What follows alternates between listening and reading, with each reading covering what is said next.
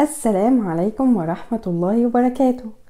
حلم الآباء والأمهات إن يكون أطفالهم أصحاء جسديا ونفسيا ويتمتعوا بشخصية قوية قيادية يزينها الثقة القوية بالنفس وبيكون ده هدفهم الأسمى اللي بيبذلوا في سبيله الغالي والرخيص. لكن مع الأسف ممكن تصرفات عفوية متوارثة في المجتمعات العربية تدمر كل اللي بيبنوه في لحظات.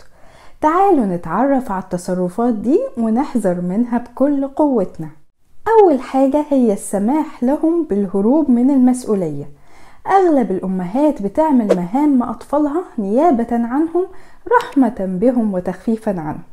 بس مع الأسف ده بيأثر عليهم بطريقة سلبية جدا لأن بيوصل لهم في البداية إحساس إنهم لا يعتمد عليهم وليسوا أهل للثقة. والحقيقة الطفل الصغير حوالي 3 سنوات بيغضب جدا من تصرف زي ده وبيبكي ويعترض عشان يعمل مهامه بنفسه ويلح بطلب المساعدة في مهام الكبار كمان عشان يحس بذاته وقدراته ويثبت وجوده في الحياة.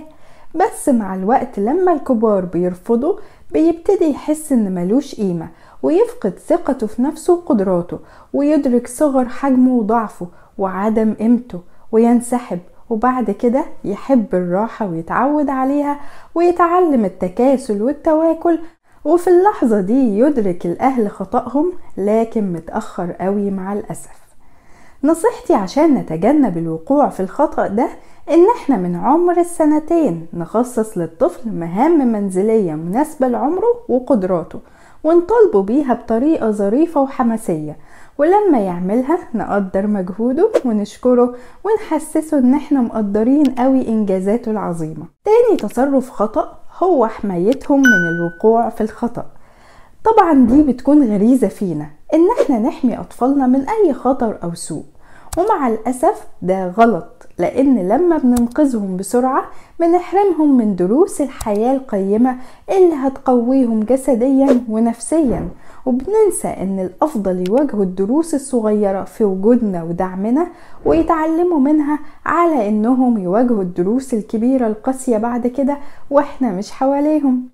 طبعا ما أقصدش إن إحنا نشوف الطفل هيقع ويتكسر ونسيبه يجرب لأ لكن مثلا لما يكون بيتعلم المشي في مكان آمن أسيبه يقع ويحاول يقوم ويعلم نفسه.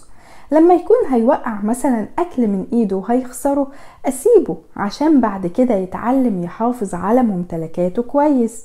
زي مثلا ابني لما أصر يمسك هو كوباية العصير النهاردة وأنا متأكدة أنه هيوقعها سبته يمسكها وفعلا وقعها وقعد يبكي ومع إن في عصير تاني رفضت أديله تاني مش كعقاب لأ كمحاولة لتعليمه إنه ينتبه أكتر. كل اللي عملته ان تقبلت مشاعره وهديته.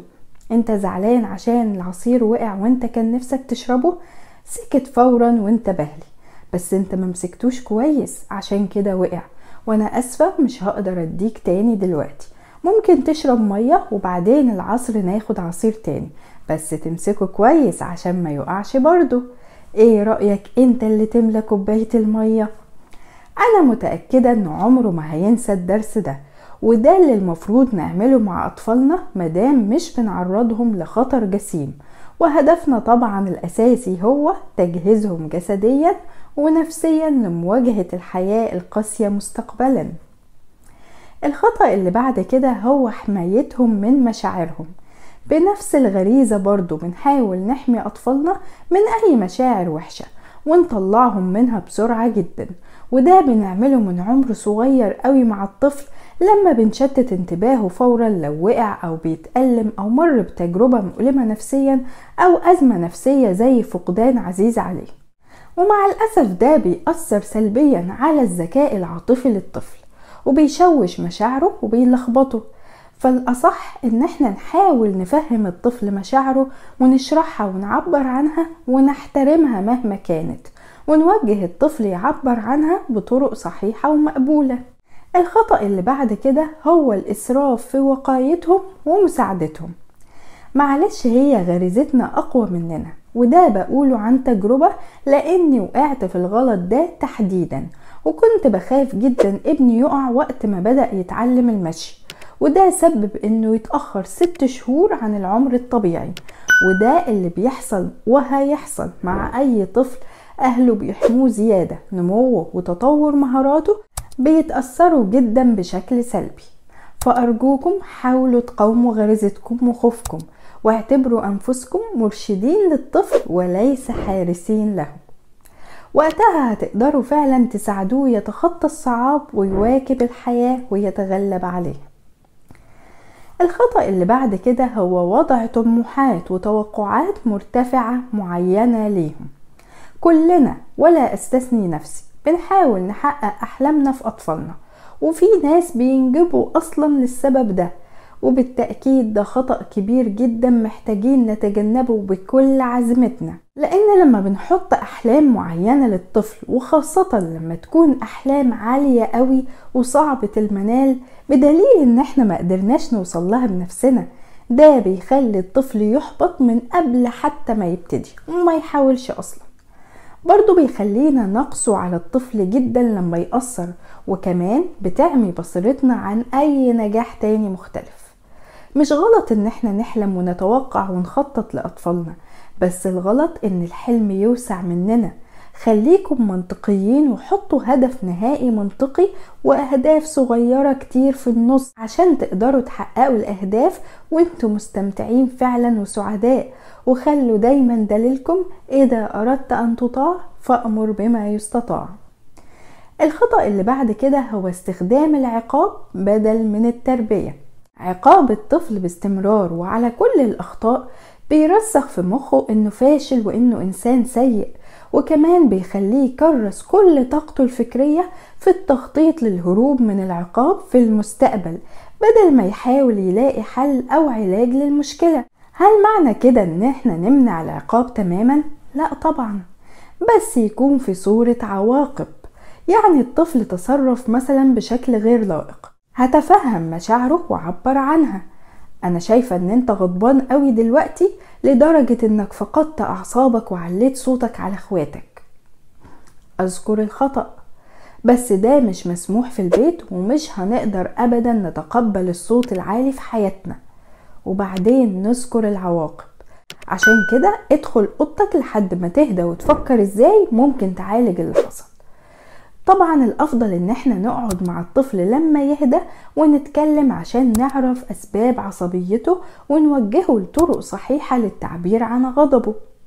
بفكركم إن ممنوع عقاب أو عواقب قبل تكوين المنطق عند الطفل اللي عادة بيبتدي يتكون عند عمر 3 أو 4 سنوات. الخطأ الأخير هو تقمص دور الضحية. لما الطفل دايما يسمع أهله بيلوموا على كل حاجة حواليهم بيعيش دور الضحية. لما يحاول يجيب حاجة عالية وما يطولهاش ويبكي ومامته تقوله عشان أنت قصير ما أنت لو بتاكل كويس هتطول وتطولها هيعتبر نفسه ضحية بنيته الجسدية. وعمره ما هيفكر في حلول يتخطى بيها المشكلة دي. لكن لو قالت له أنت مش طايلها عشان هي عالية تفتكر ممكن نوصل لها إزاي؟